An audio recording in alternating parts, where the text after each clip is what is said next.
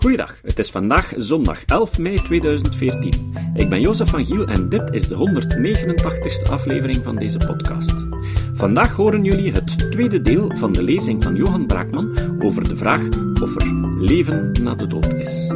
Hier komt het. Wat ik dan ook wel vaststel, of ik niet alleen, maar ik denk dat dat juist is, is dat mensen die daar dus spontaan in geloven, dat dat normaal menselijk is bijna, in die ja, permanentie, psychologische permanentie en continuïteit, dat ze verder meestal niet te diep nadenken over het hoe en het wat. Dus als ik dat aan mensen vraag die geloven dat, uh, bijvoorbeeld binnen onze christelijke cultuur, maar wereldwijd heb je daar allerlei variaties op, dat na de dood de ziel nog uh, ergens in de hemel of, of terechtkomt. Uh, men heeft daar, plakt daar allerlei woorden op. Maar als je dan een beetje gaat doorvragen, ja, wat, is dat dan precies voor u, die ziel? En dat hiernamaals, hoe ziet dat daaruit? En is dat ergens een plaats of wat is dat? Dan wordt dat al heel snel moeilijk. Dan, dan heeft men daar blijkbaar niet, niet echt grondig over nagedacht. Theologen misschien wel, dat is hun job. Maar, maar de gewone doorsnee gelovige denkt daar niet zo geweldig over na.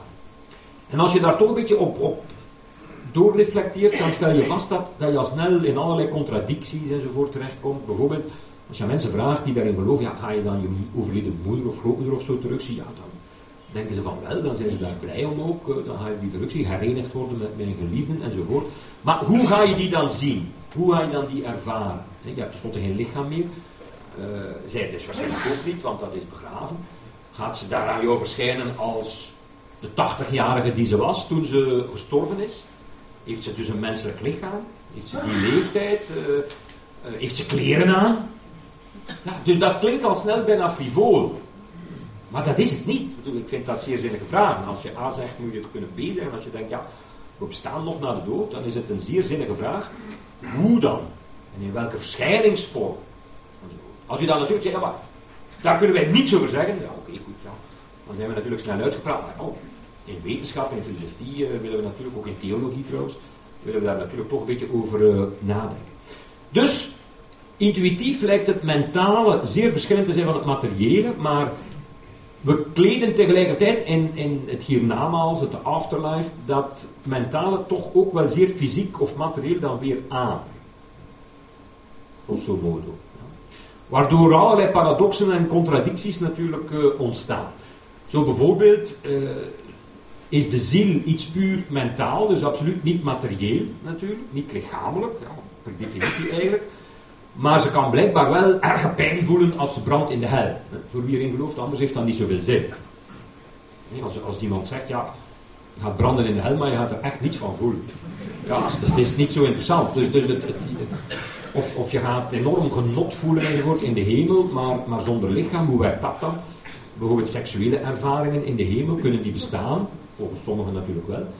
Uh, maar als je geen lichaam hebt, hoe werkt dat dan en zo? Dus, dus ik vind dat interessant, ik zeg dat in alle ernst. Hè. Dat een interessante vraag om na te gaan, hoe werkt dat psychologisch bij mensen als ze daar beginnen over nadenken.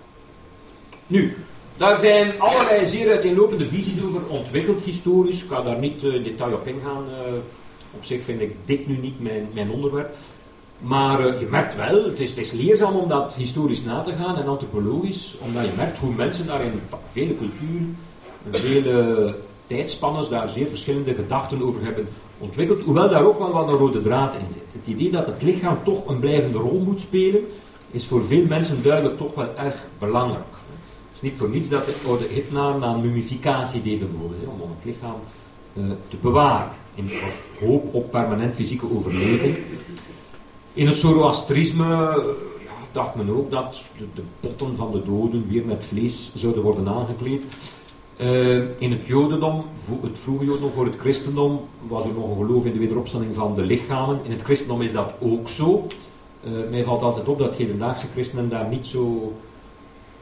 dat zij soms niet weten, maar dat is een fundamentele gedachte in het christendom. Ja, dus dat de lichamen weer echt reëel zullen bestaan, dat er wederopstanding zal zijn. En als jongvolwassenen. Dus als u oud bent en u gaat dood, geen probleem, u komt terug, maar als jongvolwassene. De meeste christenen zullen dat misschien nu niet meer geloven, maar ik weet dat eigenlijk niet. Ik denk niet dat daar onderzoek naar is, maar op zich is dat een fundamenteel gelooft bent. Ook in de islam gelooft men in de continuïteit van het lichaam. Dus dat is op zich wel interessant, denk ik, om dat te onderzoeken. Maar ik ga daar niet verder over praten. Uh, over het hiernamaals zelf, hoe zit dat dan in elkaar? Ja, daar zijn ook heel gesofisticeerde gedachten over ontwikkeld. Uh, zeker de laatste paar duizend jaar. Maar ik denk dus, de essentie van mijn verhaal is veel ouder. Dat dualisme, dat continuïteitsdenken psychologisch. Ik denk dat men dat al tienduizend jaar geleden al had. Het is een diep menselijk iets en mensen bestaan natuurlijk al langer dan, uh, dan enkele duizenden jaar. Maar dus het, uh, het idee van uh, dat er in het hiernamaals, dat daar plaatsen zijn waar het aangenaam is om vertoeven, andere plaatsen net waar het totaal onaangenaam is, dat is als het ware relatief recent, misschien enkele duizenden jaar. Dus ik noem dat vanuit mijn perspectief uh, recent. De gedachte dat dat hiernamaals ook het onrecht dat hier op aarde aan mensen is aangedaan kan, kan goedmaken. Dus dat de deugdzamen die hier toch niet min ongelukkig waren, uh, gelukkig zullen zijn in het hiernamaals.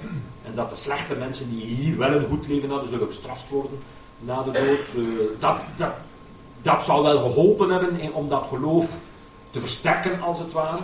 Maar ik denk dus niet dat dat uh, de essentie is. Als u dat wil weten, kunt u bijvoorbeeld wat het christendom betreft natuurlijk Dante lezen, waarin u dat in geuren en kleuren uiteengezet vindt, hoe men daar dus in de latere middeleeuwen over nadacht. Maar mijn, ja, mijn basishouding hier is niet min ook die, die ik hier nu voor u samenvat. De geest, tussen aanhalingstekens, dus al, al het mentale, al het psychologisch, dat is eigenlijk wat de hersenen doen. Als de hersenen verdwijnen, als wij doodgaan, ook uw hersenen vallen dan stil na verloop van tijd, dan stoppen die met actief zijn. Dus moet het subjectieve idee dat de geest langer blijft bestaan dan het brein zelf, dan moet dat een psychologische illusie zijn. Ja, die spontaan opduikt in levende menselijke hersenen. Hersenen zoals die van u en mij. Maar ik denk niet dat we vandaag de dag nog kunnen stellen dat er echt sterke argumenten pro het filosofisch dualisme zijn. Moest het filosofisch dualisme houdbaar zijn, dan zou de case voor een leven na de dood natuurlijk een pak sterker zijn. Daarmee heb ik niet gezegd dat ik weet wat bewustzijn is, want dat weet niemand maar dat het een functie is van iets materieels, organisch, de hersenen op dit moment, uh, lijkt dat toch wel de meest overtuigende opvatting. Ook iets wat we toch a priori hier kunnen naar voren brengen, is dat bewustzijn, al dus dat psychologisch, dat mentaal, waarvan we dus kunnen hopen dat het nog zal bestaan, het geheugen enzovoort, heeft, er zijn veel argumenten uit de fysica daarvoor naar voren te brengen, een materiële of energetische, maar dat is in feite hetzelfde, drager nodig. Als je dus niet iets materieels hebt waar die informatie op een of andere manier in vast ligt, dan kan die informatie op zich niet bestaan.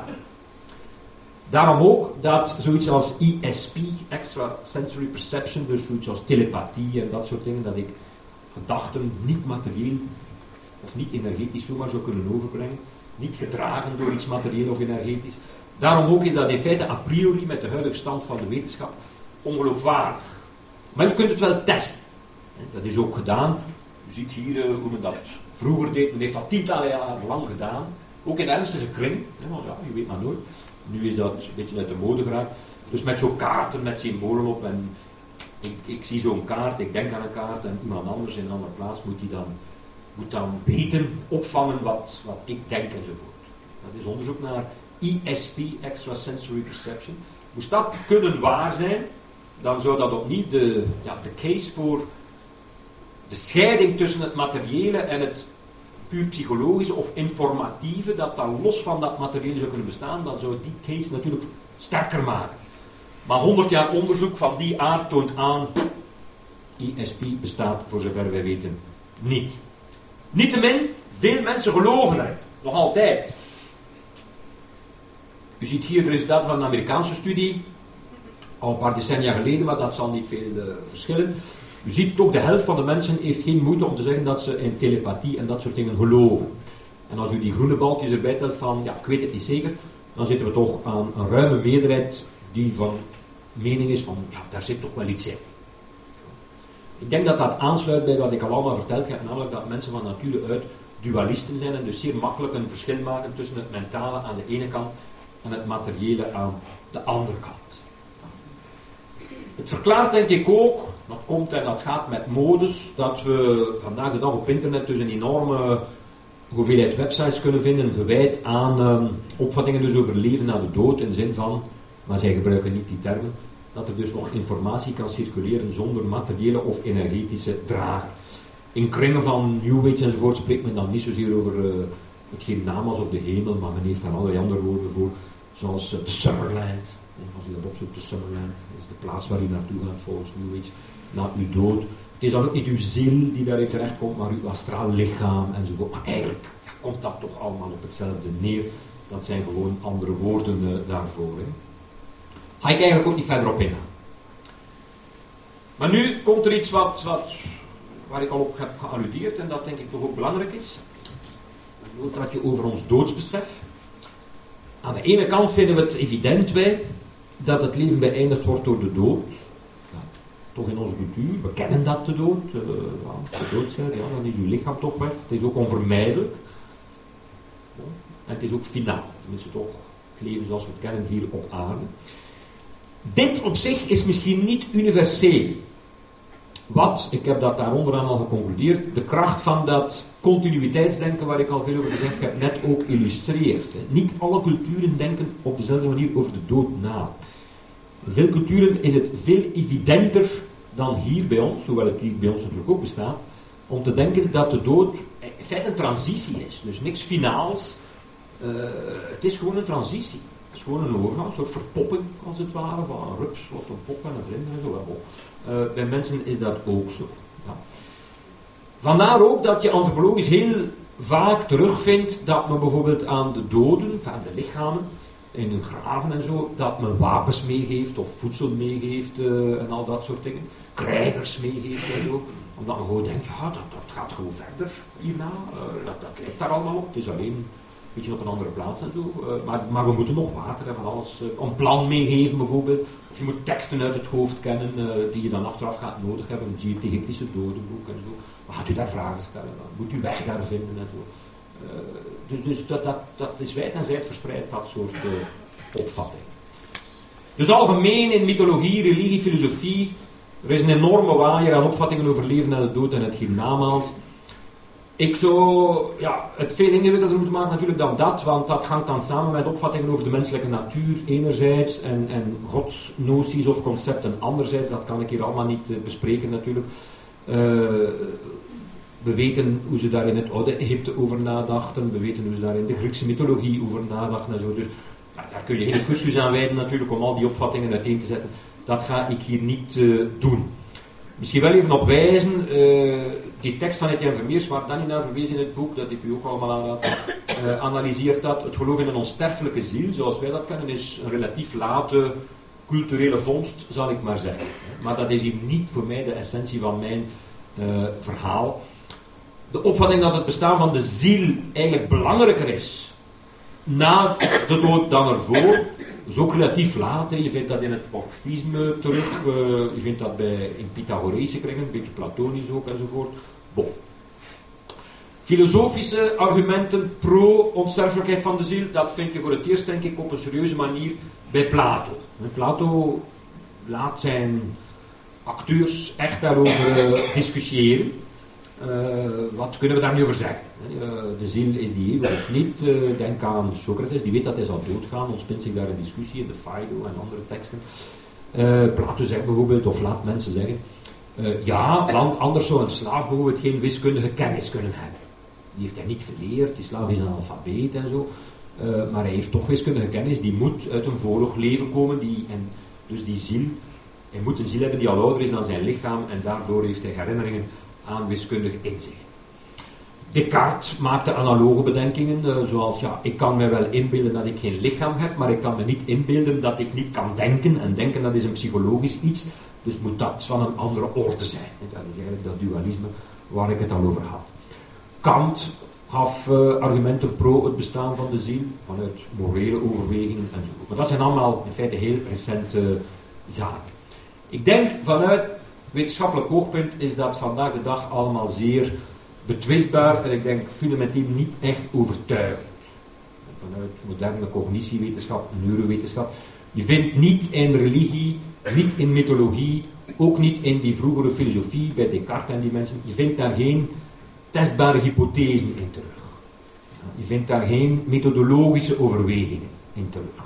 Om, om dat op een meer wetenschappelijke manier te benaderen, dat vind je daar niet in terug. En ook, dat spreekt elkaar allemaal onderling tegen.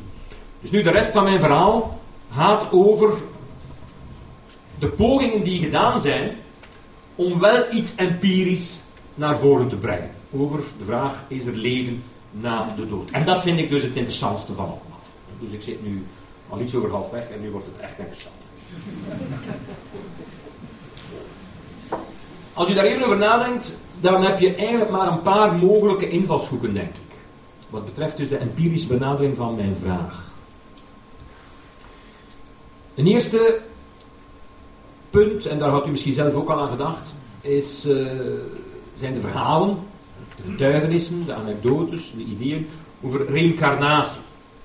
Je kunt zeggen, dat is ook maar een ja, gefantaseerd geloof dat, dat de ziel overgaat uh, na de dood in andere levensvormen. Uh, het zou goed kunnen dat dat gefantaseerd is. Ik denk dat dat ook doorschiet door die theory of mind. Maar het is wel iets, als we daar even over nadenken, uh, wat zich kan te laten testen in principe. En het is ook wel gebeurd. Hè. De, de oorsprong ervan is misschien zelfs prehistorisch. De gedachte is dus dat, wat ik nu voor het gemak de ziel noem, uh, van de overledene in een nieuw kind dat pas geboren wordt terechtkomt. Ja, je hebt daar ook variatie op, kan ook bijvoorbeeld in dieren zijn en zo. Uh, je vindt het uh, in het Westen niet echt, behalve dus hier en daar. bijvoorbeeld bij, in het orfisme en bij Pythagoras, maar bijvoorbeeld Homeros, Hesiodus, de, de oude dichters, spreken er niet over, het Oude Testament ook niet. Maar in de Oosterse tradities is het dus wijd en zijd verspreid. En eigenlijk is het daar al al iets vrij negatief. Komt dat er een, een, voortdurende cyclus is van lijden in feite. Je keert altijd maar terug naar een plaats waar je eigenlijk liever niet wil zijn. Als ziel, als, als uh, subjectief uh, persoon of als subject. Bij Pythagoras, maar dat heeft zich dus niet echt doorgezet, was het eerder iets positiefs. Reïncarnatie maakte het mogelijk dat uw ziel gezuiverd kon worden. Dit is niet wat mij hier nu interesseert.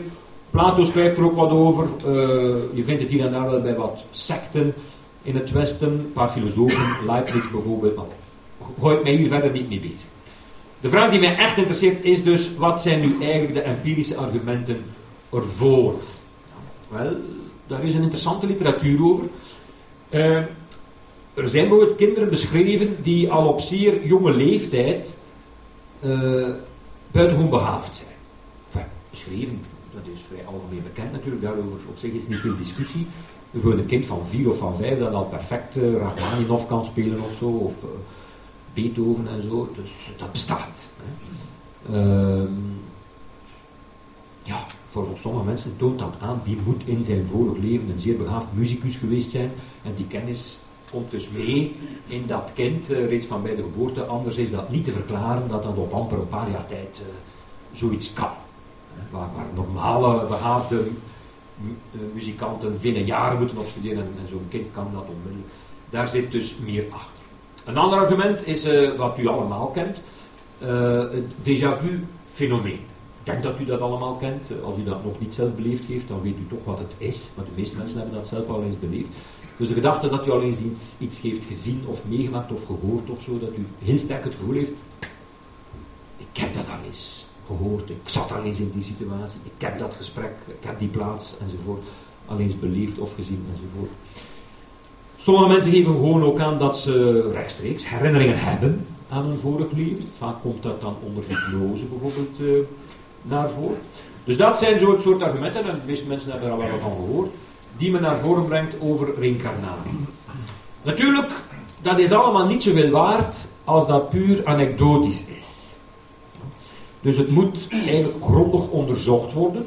Wat dat betreft, wie het interesseert, denk ik, moet u het werk van Ian Stevenson bestuderen. Dat is denk ik, voor zover ik het heb kunnen nagaan, de onderzoeker die er het meeste tijd aan besteed heeft.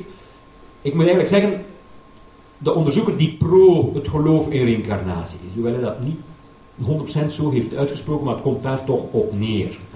Die man heeft dus duizenden gevalstudies verzameld van kinderen die gereïncarneerd lijken te zijn. En die heeft zijn best gedaan, kun je zeggen, om uh, feit van fictie daar te gaan uh, onderscheiden. Hij heeft bijvoorbeeld een boek uh, geschreven, Reincarnation and Biology, A Contribution to the Etiology of Birthmarks and Birth Defects. Klinkt een beetje merkwaardig, die titel. Maar dat is dus een boek van, zoals u daar ziet, ruim 2000 pagina's. Waarin hij dus honderden gevalstudies heeft verzameld, die hij zelf heeft onderzocht. Dus die man heeft vooral Azië afgereisd, heel zijn leven lang. De, zijn universiteit, Virginia, liet hem dat toe, financierde hem. Omdat, ja, ik vind dat terecht, op zich is dat interessant. Hè. Uh, en hij is, is dus nagegaan wat er van aan was van al die verhalen die hij kon verzamelen. En hij onderzocht bijvoorbeeld kinderen die geboren worden met, met duidelijke geboorteplekken of geboortevlekken. Uh, en die kinderen die dan beweren, of, of, de familie beweert dat ze dan gereïncarneerd zijn, dan ging hij na uh, van wie wordt er beweerd dat ze gereïncarneerd zijn, en had die persoon ook zo'n geboortevlek op die plaats. En dan stelde hij bijvoorbeeld vast dat uh, veel van de verhalen over reïncarnatie ontstaan wanneer mensen een gewelddadige dood gestorven zijn. Bijvoorbeeld iemand wordt doodgeschoten met een door een schot uh, los door zijn voorhoofd, ik zeg maar wat. En dan een week later wordt er een kind geboren. En dan een paar jaar later ja, ontstaan er verhalen dat dat kind eigenlijk de reïncarnatie is van iemand. En men trekt dat dan na. En dat zou dan de reïncarnatie zijn van die die doodgeschoten is. En dat kind heeft dan ook zo een geboortevlek op zijn voorhoofd. Hè, waar dus de kogel zou doorgegaan zijn van het vorige leven. Dat soort dingen heeft hij dus allemaal verzameld ja, u voelt daaraan, dat is natuurlijk op zich toch zeer betweesbaar. Eigenlijk, als je dat compleet onbevangen leest, ik heb dat niet allemaal gelezen, moet ik u bekennen, maar goed, als je dat compleet onbevangen leest, ja, wat moet je daarvan denken? Ik denk stuk voor stuk, ik loop al een beetje vooruit, stuk voor stuk zijn al die cases niet overtuigend. Dan kun je zeggen natuurlijk, ja, maar allemaal samengenomen, honderden, misschien dan weer wel. Nu, ik denk het niet. Het is niet omdat je tien vage cases hebt dat ze allemaal samen één keiharde case maken. Dat denk ik niet uh, dat je zo kunt concluderen. Nu, Stevenson zelf was ook wel wat bevooroordeeld, want hij dacht dat ja, erfelijkheid, omgeving, dus de hedendaagse aanpak om persoonlijkheid van mensen te interpreteren, uh, geen afdoende verklaring bieden voor ziekten, talenten, uh, uw persoonlijkheid enzovoort. Dus dat daar een derde, een andere factor moet zijn die, die al uit een vorig leven komt. Man heeft meerdere andere boeken geschreven, zoals u hier ziet, Children Who Remember Previous Lives enzovoort. Dus de toponderzoeker, denk ik, over uh, reïncarnatie. Hij heeft dus, zoals ik zei, nooit echt onderbezinnig gezegd dat hij in reïncarnatie geloofde, maar hij dacht wel dus dat de personality en memory transfer, dus van het ene leven naar het andere, mogelijk zou zijn. Ik zou denken, dat is typisch continuïteitsdenken, eigen aan iedereen, maar bij hem schiet het door richting uh. Zoals ik al zei, in het bijzonder dacht hij, is dat het geval met betrekking tot mensen die een gewelddadige dood gestorven zijn. Dat zou over 61% van de kinderen gaan die hij heeft uh, onderzocht. Kinderen die dus zelf beweren of hun omgeving beweert dat ze dus al een vorig leven hebben gehad. Uh, ik heb hier een lezing van hem uh, waar ik u een stukje wil tonen, maar de tijd gaat mij dat niet toestaan. Maar wie het interesseert, u kan dat zelf vinden. Dat staat op YouTube. Ik heb hier een samenvatting van de voornaamste kritieken op het onderzoek van Stevenson. En ik denk dat die kritieken overtuigend genoeg zijn om te concluderen dat reïncarnatie niet overtuigend genoeg is om te accepteren dat er dus leven, psychologisch leven na de dood zou kunnen zijn. De voornaamste criticus van Stevenson was Paul Edwards, en de filosoof van jullie zullen die kennen, dat was de editor van de Encyclopedia of Philosophy. Die heeft zich dus jarenlang bezig gehouden met reïncarnatie. Als scepticus zal ik maar zeggen. heeft dat werk van Stevenson grondig onderzocht. Ik heb hier samengevat wat die man zegt. Stevenson was een eerlijke onderzoeker, maar misschien wat lichtgelovig. Hij liet zich makkelijk dingen wijsmaken. Hij stelde zelf ook zeer suggestieve vragen. Wat methodologisch dus natuurlijk zeer ja, dubieus is. Dus aan zijn personen die hij onderzocht. Hè, de familie, de kinderen zelf enzovoort. Edwards heeft ook vastgesteld dat Stevenson vaak ook bedrogen werd. Dus dat men hem domweg beloog en dat hij dan niet voldoende moeite deed om feit van fictie te onderscheiden. Hij werkte natuurlijk met vertalers, want hij kwam in India, in Birma, in, in Cambodja, al die landen waar men in reïncarnatie gelooft. Je had altijd vertalers nodig. De meeste van die vertalers geloofden zelf in reïncarnatie. Dus dat, dat, er zit daar automatisch dan al ruis op. Stevenson zelf was ook sterk ondergeven aan wat men noemt confirmation bias. Dus dat je alleen maar opneemt wat uw opvatting lijkt te ondersteunen en de rest negeer je. Dat in culturen waar men in reïncarnatie gelooft, is het zo dat sowieso geboortevlekken verklaard worden vanuit het geloof in reïncarnatie. Die, men vindt dat evident dat kinderen met geboortevlekken worden geboren, want dat komt gewoon uit een vorig leven. In onze cultuur hebben we daar natuurlijk een andere verklaring voor. Zijn gevalstudies zijn nogal flinterdun, gebaseerd op anekdotes, dubieuze getuigen. Hij had wel de juiste wetenschappelijke geloofsbrieven, maar u voelt al aan dat hij nogal lage wetenschappelijke standaarden hanteerde. De meeste van zijn gevallen kwamen sowieso voor in gebieden waar men in reïncarnatie gelooft. Moest hij er meerdere gevonden hebben bij mensen van culturen en geboren en getogen in die culturen waar reïncarnatie niet het standaard geloof is, dan zou dat natuurlijk sterker overkomen. Kinderen bleken ook vaak, stelde Edwards vast, verhalen te vertellen in de verwachting gesteund te worden door de familie van de overledene. Ook financieel. Dus in een cultuur waar men in reïncarnatie gelooft, is het normaal dat men zegt, ah, uh, onze overleden grootvader is gereïncarneerd in een kind uh, daar een dok verder. Dus dat is eigenlijk onze grootvader nu, die voortleeft in de vorm van dat kind. Maar het is een familie die nogal arm is. We gaan niet wat geld geven, want eigenlijk steunen we zo onze eigen grootvaders. Dat, dat, komt daar vaak, vaak, voor. Dus u begrijpt, men heeft uh, redelijk goede motieven om te beweren, hey, weet je het al, mijn kind, pas voor een kind, is de reïncarnatie van uw net overleden grootvader. Bovendien Blijkbaar is het zo dat als een ziel wil terugkeren via reïncarnatie, ze zelden ver weg gaat. Dus uh, het is dan vaak in het dorp ernaast of zo, dus dan kennen die mensen elkaar. Dan is het niet zo moeilijk om de juiste dingen te vertellen. Dan herinnert men zich makkelijker allerlei dingen, omdat men gewoon geïnformeerd is, natuurlijk. Enfin, conclusie van Edwards, dat onderzoek van Stevenson is in zijn totaliteit misschien indrukwekkend, maar eigenlijk overstijgt dat niet het anekdotische niveau. Bovendien, dat is een bedenking van mij, het is ook wel wat in de filosofische zin oneconomisch om reïncarnatie in te roepen als verklaring voor al die verhalen die Stevenson en natuurlijk ook andere mensen naar voren bracht. Dus als u moet zaken verklaren, dan is het een standaardregel dat u op zoek gaat naar de meest economische verklaring. En dat je niet iets bedenkt dat de zaak alleen maar ingewikkelder maakt. Zeker niet als je dus een eenvoudige verklaring hebt. Dat staat bekend als het principe van het scheermes van Occam. De meeste mensen zullen dat misschien wel kennen, maar als u het niet kent, ik, ik ga dat heel even kort toelichten vanuit een andere context, omdat dat voor, voor de rest van mijn verhaal toch ook nog een rol speelt. Denk bijvoorbeeld aan graancirkels, u kent dat. zo van die figuren in het graan, of in maïsvelden en zo. Dan zou je kunnen zeggen, uh, dat is het werk van buitenaardse wezen. Of u zou kunnen zeggen, dat is het werk van mensen. Het scheermes van Occam moet u doen grijpen naar de meest eenvoudige verklaring. De meest eenvoudige is natuurlijk die die zegt dat het mensen zijn. Je kan zich afvragen, ja, hoe doen ze het en waarom doen ze het? Dat, is, bon, zijn juiste vragen, maar die kunnen we beantwoorden. We weten dat daar op zich niks vreemds aan is dat mensen dit soort dingen doen. Maar als u zegt, nee, nee, nee, het zijn buitenaardse wezens, dan moet u veel ingewikkelder vragen gaan beantwoorden.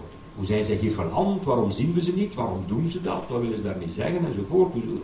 Hoe reizen ze door de ruimte? Gaan ze maar door. Dus u maakt het probleem veel complexer, nodeloos complexer. Terwijl er een voor de hand liggende verklaring is, het is mensenwerk. Zelfs al zien die dingen er best indrukwekkend uit en complex uit, maar mensen kunnen dat. Bovendien, er zijn mensen die zelf zeggen, wij hebben het gedaan. En die het ook kunnen bewijzen, want ze hebben zichzelf gefilmd en ze doen het voor enzovoort. Dus daar moeten we niet aan twijfelen. Mensen wel degelijk doen dat. Als u dan zou zeggen, ja maar nee, ze doen het misschien voor 90% van de gevallen, maar de rest is wel door de aliens gemaakt. Dat is niet erg logisch. Hè? Dus met die reïncarnatiekwestie is dat eigenlijk ook zo. Bovendien, wij weten ook volstrekt zeker dat zelfs één persoon, ik heb hier een meneer die Simon Beck heet, gevonden, soms dit soort dingen doen, maar open en bloot. Deze meneer hier, Simon Beck, maakt dit soort figuren in de sneeuw. Ongeveer 10 uur per dag, is daar dan zo'n week of twee mee bezig, en dan moet hij hopen dat het ondertussen niet sneeuwt.